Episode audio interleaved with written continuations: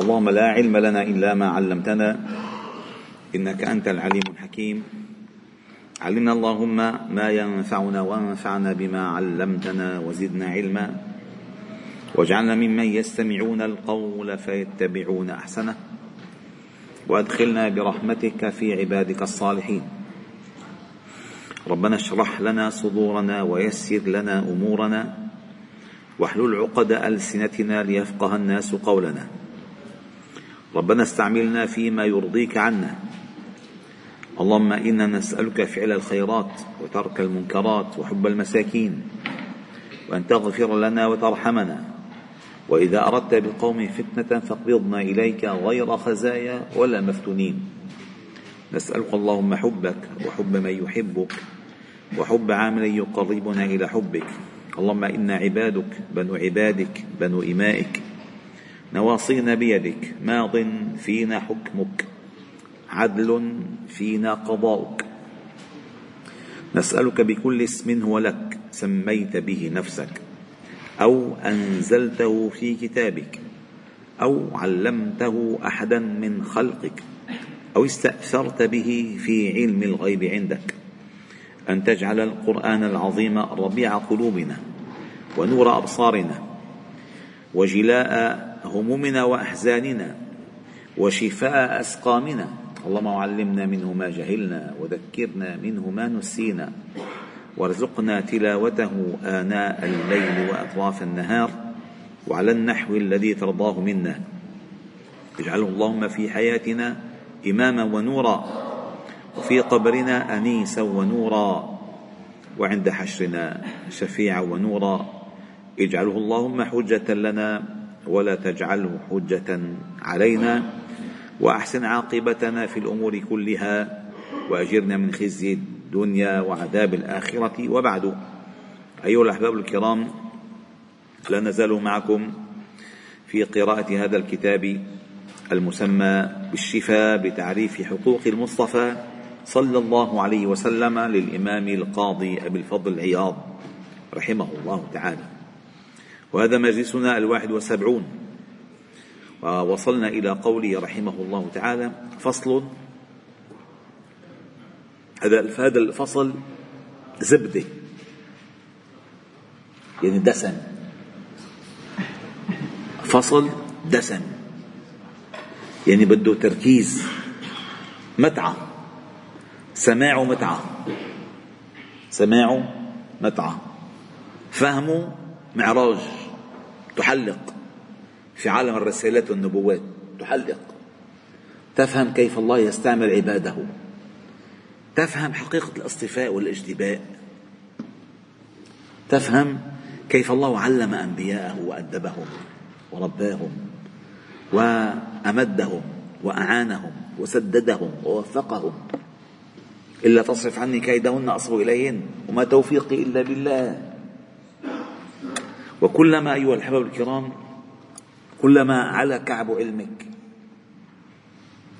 وعرفت قدر نفسك كلما على كعب علمك وفي الوقت نفسه عرفت قدر نفسك حلقت في عالم الملكوت. وكلما على كعب معلوماتك وجهلت قدر نفسك اقتربت من علم إبليس. علم إبليس. لأن علم إبليس علم آه، آه، تعظيم النفوس. وعلم المرسلين علم تحطيم النفوس.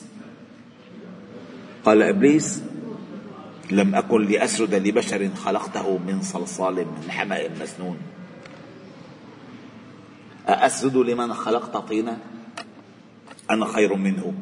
خلقتني من نار وخلقته من طين. هذا اسمه علم النفوس. يعني يرى نفسه. علم الأنبياء قال ربي إني لما أنزلت إلي من خير فقير.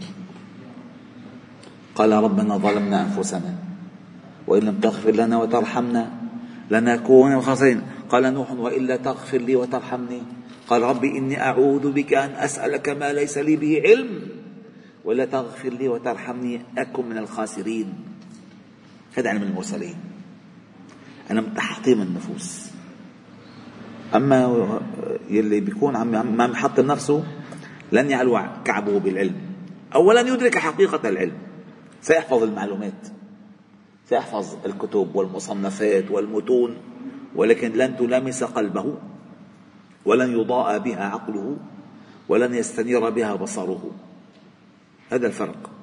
الآن المؤلف سيذكر لك ماهية التصرف النبوي في في هدى الله تعالى له. اسمعوا. قال فصل في أن عامة أفعاله صلى الله عليه وسلم سداد وصواب. حتى ما يظن أنه لا عمل هيك ليعلم سداد وصواب. والرد على بعض الشبه قال وأما أفعاله عليه السلام الدنيوية فحكمه فيها من توقي المعاصي والمكروهات ما قد قدمناه ومن جواز السهو والغلط في بعضها ما ذكرناه سبق ذكره. وكله أي كل ما, ما ظهر منه أو بدر منه غير قادح في نبوته عليه السلام. بلى إن هذا فيها إن هذا فيها على الندور أي إن وقع على النادر يعني ليس على الشائع. إذ عامة أفعال أي صفحة؟ 123 جزء الثاني 123 قال ف وأما أفعاله وكله غير قادح في نبوته عليه السلام بلى إن هذا فيها على الندور. إذ عامة أفعاله على السداد والصواب بل أكثرها جارية. النسان ساندرا مسكرة على واحد اللي معه ساندرا يروح يعمل لها كاندرا. نعم. قال بل أكثرها أو كلها جارية مجرى العبادات والقرب على ما بينا ليش؟ لأن هالرسول المصطفى قلبه وين معلق؟ فكل حركة عنده هي إلى الهدف الذي من أجله أرسل فلن يشغل يعني آه، آه، مصطفى قلبه لا ينام وعيناه وعيناه تنامان وين بدك هم وين همه مصطفى غفر الله تعالى له مات من ذنبه وهو ساجد ويبكي وتتشقق قدماه. مصطفى رفعه الله إلى المقام الأعلى ويقيم الليل كله أو أكثره. شو بدك وين هدفه. فإذا عندما تعلم هذه الكمية التي فيه تقول هذه الشغلة أكيد مقصودة لشيء ما. على الندرة أو على التعليم. قال بل أكثرها أو كلها جارية مجرى العبادات والقرب على ما بينا إذ كان عليه السلام لا يأخذ منها لنفسه إلا ضرورته. إن حتى أكله هو ليقيم صلبه حتى نومه. قال يا خديجة ولا عهد النوم يا خديجة ولا عهد النوم. ثم قال في الحديث الصحيح قال من غير في الفراش. كان فراشه رقيق ينادل مصلي رقيق فطووه سنوه. عشان يسمك يرتاح. فقال من غيره؟ فقالوا غيرناه لحسن وطاءته يعني مشان ترتاح عليه. فقال منعتني وطاءته قيام ليل وطاءته غيروا ردوا مثل ما كان إذا ما كان هدفه الدنيا. أبدا. في مرض وفاته كانت عنده ثلاث دنانير. فقال يا عائشة ما فعل الثلاث دنانير؟ ما معه شيء مسكين. هلا بيموت واحد. قال هذا عنده؟ سبحان الله ما عنده شيء ابدا. كان يعطي عطاء من لا يخشى الفقر. فاذا كل حركته للآخرة ليست للدنيا. فاذا قال ولا لا يأخذ منها لنفسه إلا ضرورته وما يقيم بها رمق جسمه وفيه مصلحة ذاته التي بها يعبد ربه أو يعبد أو يعبد ربه هلا بتقلي طيب ما بتخبى ورا أصبعك يا شيخ ليش؟ ما نسيت إنه سام تزوج 11 وحدة؟ نسيت ولا عم بتتناسى ولا ما لقى بتحكي يا أبو عماد ليش؟ لا حبيبي. اولا افهموا وعوا وركزوا. النبي صلى الله عليه وسلم عندما هاجر إلى المدينة ده كان عمره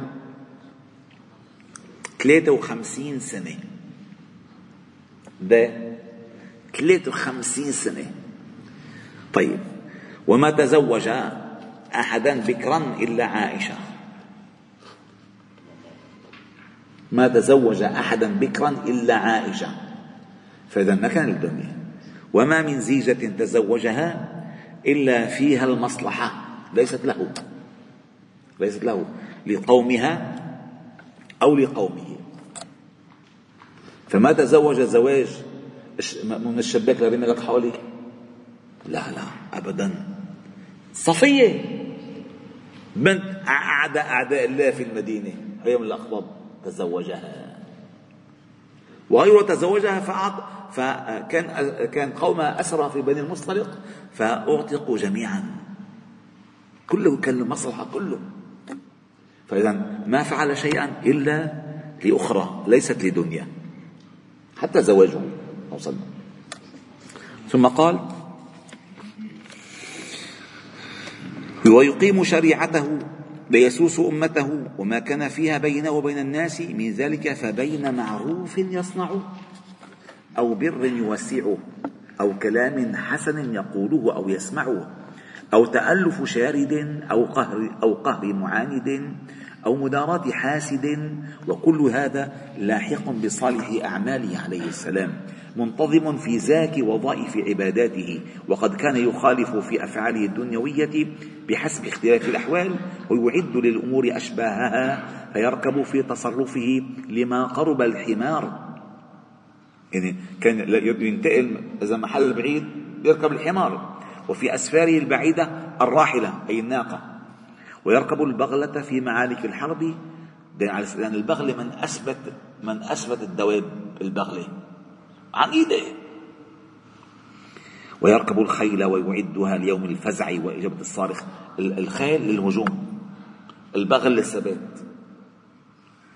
وكذلك في لباسه وسائر أحواله بحسب اعتبار مصالحه ومصالح أمته. وكذلك يفعل الفعل من أمور الدنيا مساعدة لأمته وسياسة وكراهية لخلافها وإن كان قد يرى غيره خيرا منها كما يترك الفعل ابدا وقد يرى فعله خيرا منه وقد يفعل هذا في الأمور الدينية مما له الخيارة في أحد وجهيه كخروجه من المدينة لأحد.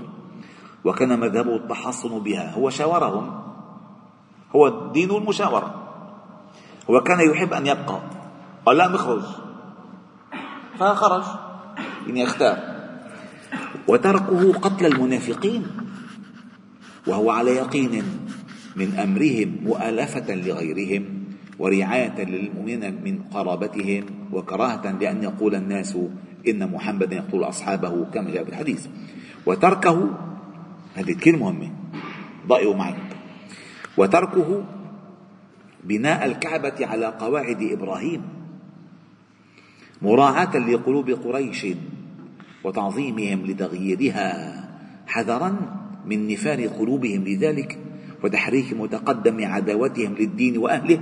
فقال لعائشة بن الصحيح لولا حدثان قومك بالكفر لأتممت البيت على قواعد إبراهيم. كيف؟ شو كيف يعني؟ يعني البيت الذي نراه نحن الآن آه، الشكل تبعه ليس شكل إبراهيم. ليش منه كان شكل إبراهيم؟ اولا حنمثلكم اياه البيت هلا هيك. مثلا مثلا حنقول هيدي هي الكعبة. هي الكعبة. الكعبة هي بدنا مكعبة بدنا شهادة مكعبة ما في كعبة. المهم هي. شو؟ لا لا لا. إيه إيه خلينا الطاولة الطاولة الطاولة يا أخي الطاولة. مثلا هي الكعبة. أنتم اللي راح الحج أو العمره أو اللي شافها على التلفزيون بلاقي هون في هيك قاص. قاص. هذا القاص كان داخل بالكعبة.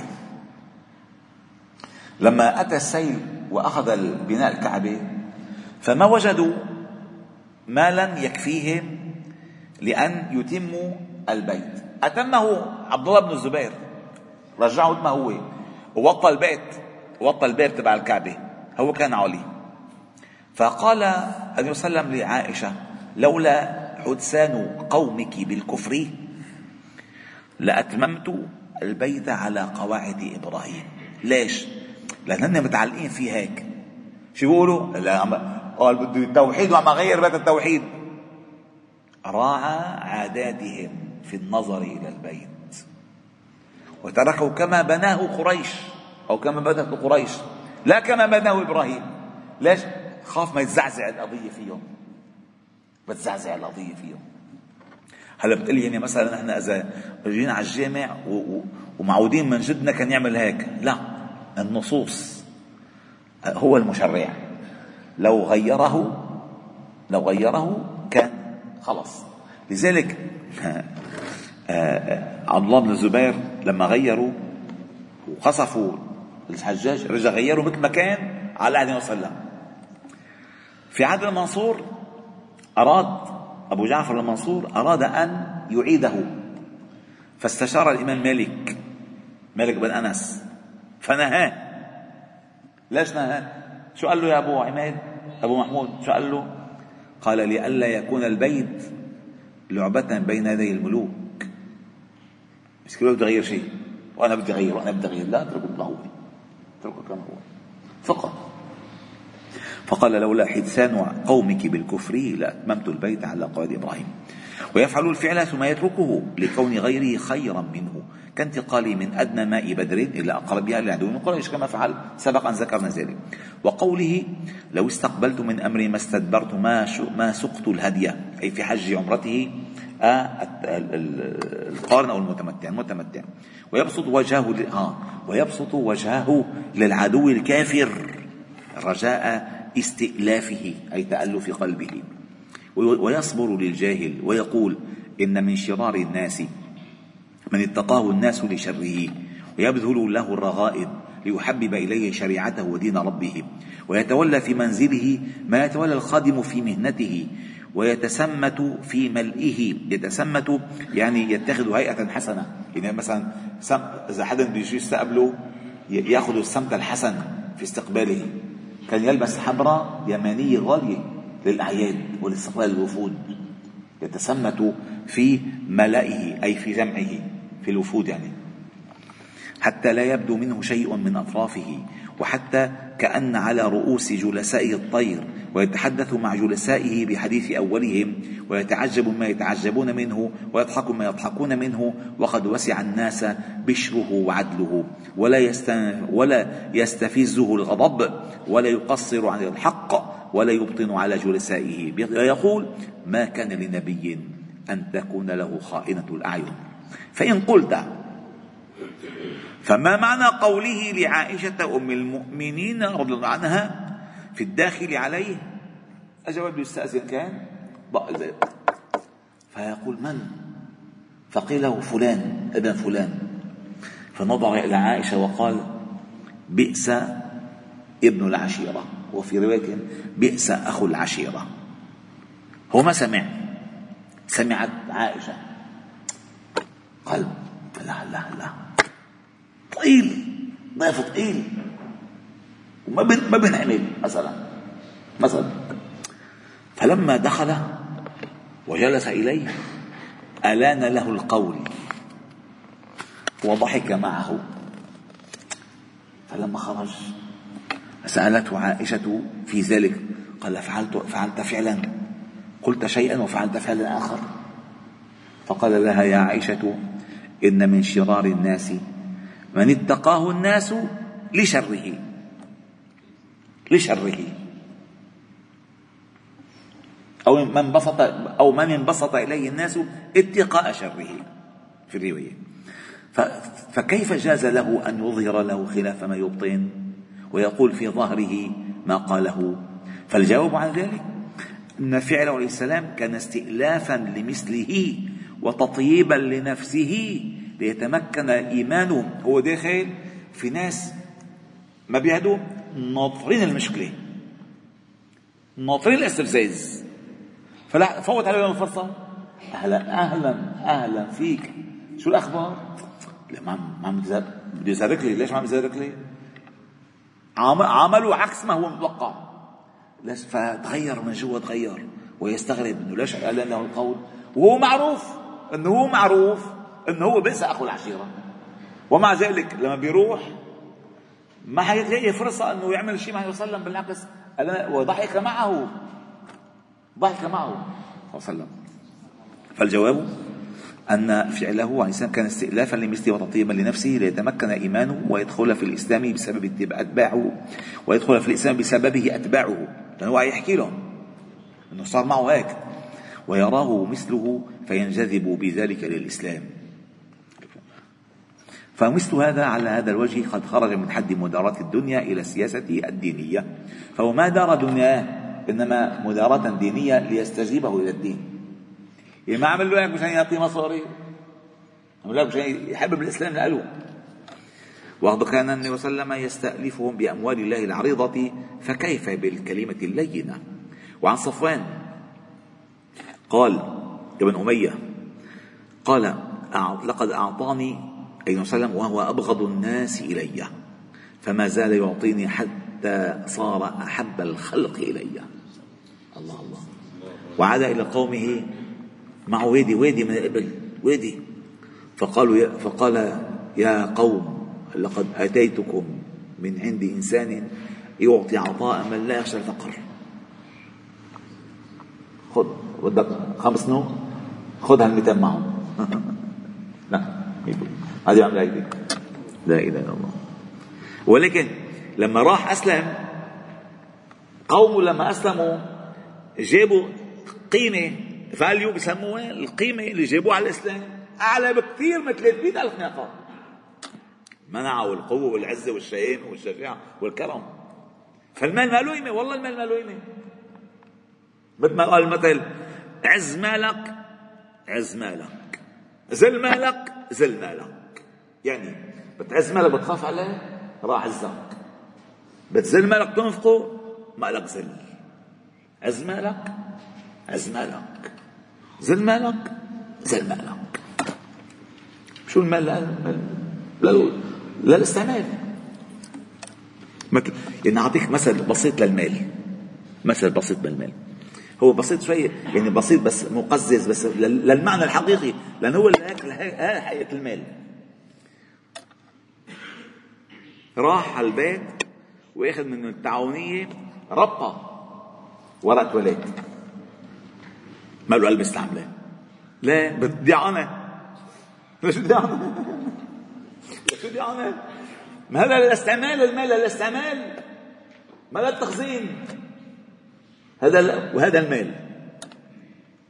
مالك لاستعمالك. هلا قال ما معك المال كذا كذا؟ قال إن الله يحب أن يسر أن يرى اثر نعمته على عبده. استعمل مالك يا أخي. المال استعمال إن لم يكن عليك على أهلك على أولادك على الفقراء على الأقربين على المساكين على المشاريع على الأوقاف على المساجد على العلم. المال بتخزنه؟ الله قال ويل لكل همزة لمزة. الذي جمع مالا وعدده. جمعوا ما لا ينفقوا ولا يأدوا دسروا دسروا دسروا دسروا مات. حدوا اليوم الورثة وراح بصير للأسف. لذلك هلا بنصح أنا كل إنسان. معه عقارات. أستاذ زمان اسمعني هالنصيحة كل إنسان عنده عقارات وعنده أموال. آه، آه، فليتصرف بها في حياته. ما يبخس أهله شيء أبدا ولا أولاده. ولكن قدام عيونه أريح له بكثير لأن الذمم ما موجودة والدولة فاتحة هلأ بتاخذ انت بتاخذ قد إيه صارت بتاخذ رقم كبير. بالنقل انتقال الورثة بتاخذ رقم كبير. أعلى من الزكاه يعني. على علمي 5% أكثر كمان. شو 5% شو؟ فلذلك هلا أعطيه اولادك وخليهم يتمتعوا ويدعوا لك.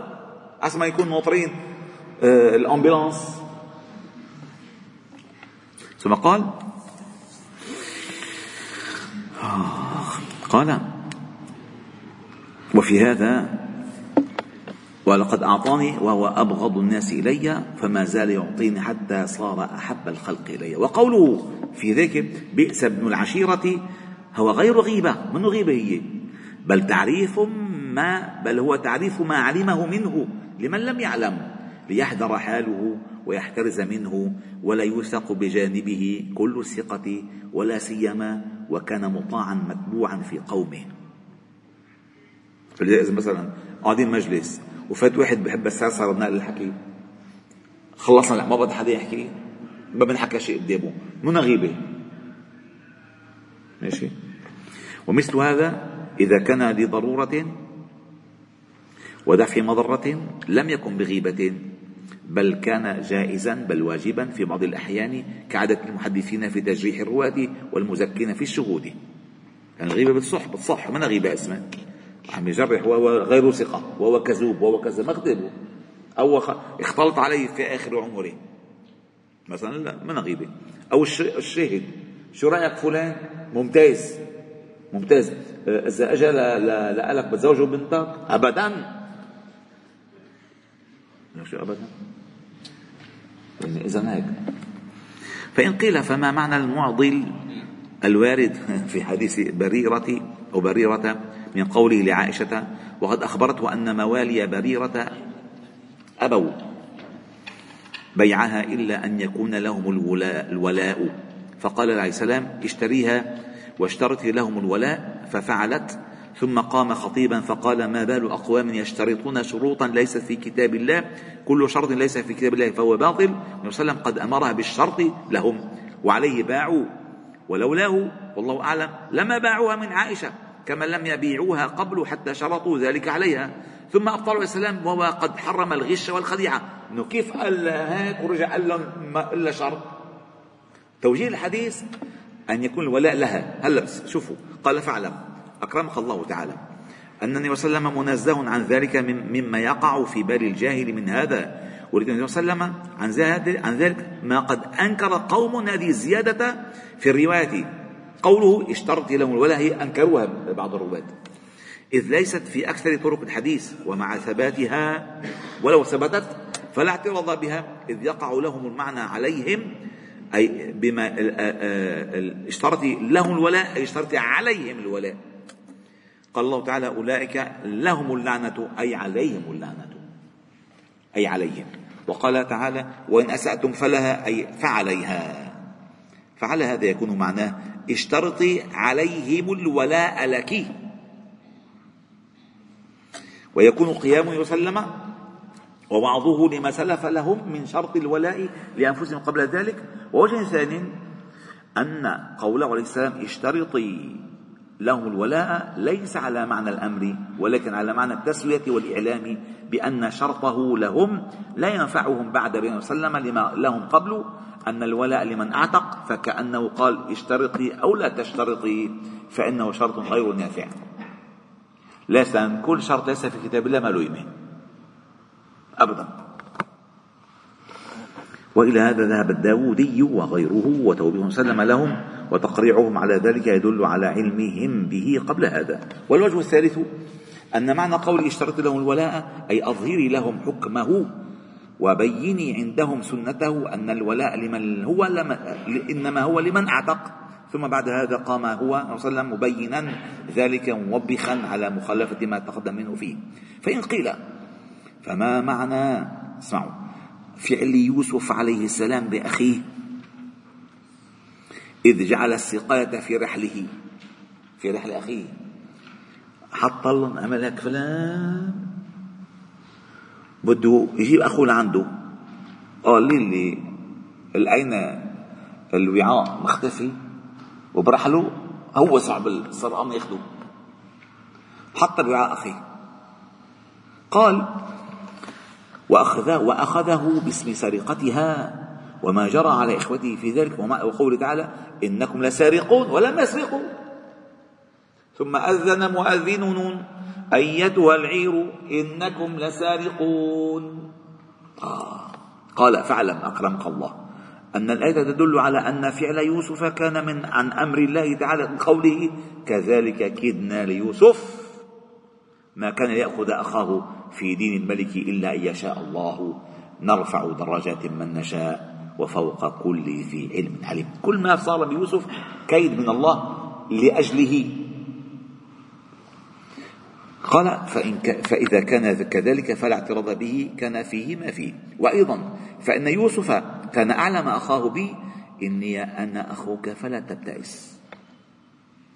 فكان ما جرى عليه بعد هذا من من من وفقه ورغبته وعلى يقين من عقبى الخير له به وإزاحة السوء عنه والمضرة. لأنه هو ابنه يعني أخوه من أمه هو أخوه الشقيق إن أخين والباقي أخوة لغير أم. فجاب أخوه حطوا معه بنيامين. حطوا معه. خاف عليه منهم. ما يصير فيه بعد ما صار هو عرفهم. فهو كاد ليوسف يعني عملوا طعن ما سرقوا ولا اتهموا بس هو أنقذوا من بينهم. وأما قوله تعالى أيتها العير إنكم لسارقون؟ فليس من كلام يوسف بل من كلام المؤذن. ثم أذن مؤذن ما يوسف يعني قال. ولا من قوله فيلزم عليه جواب لحل شبهه.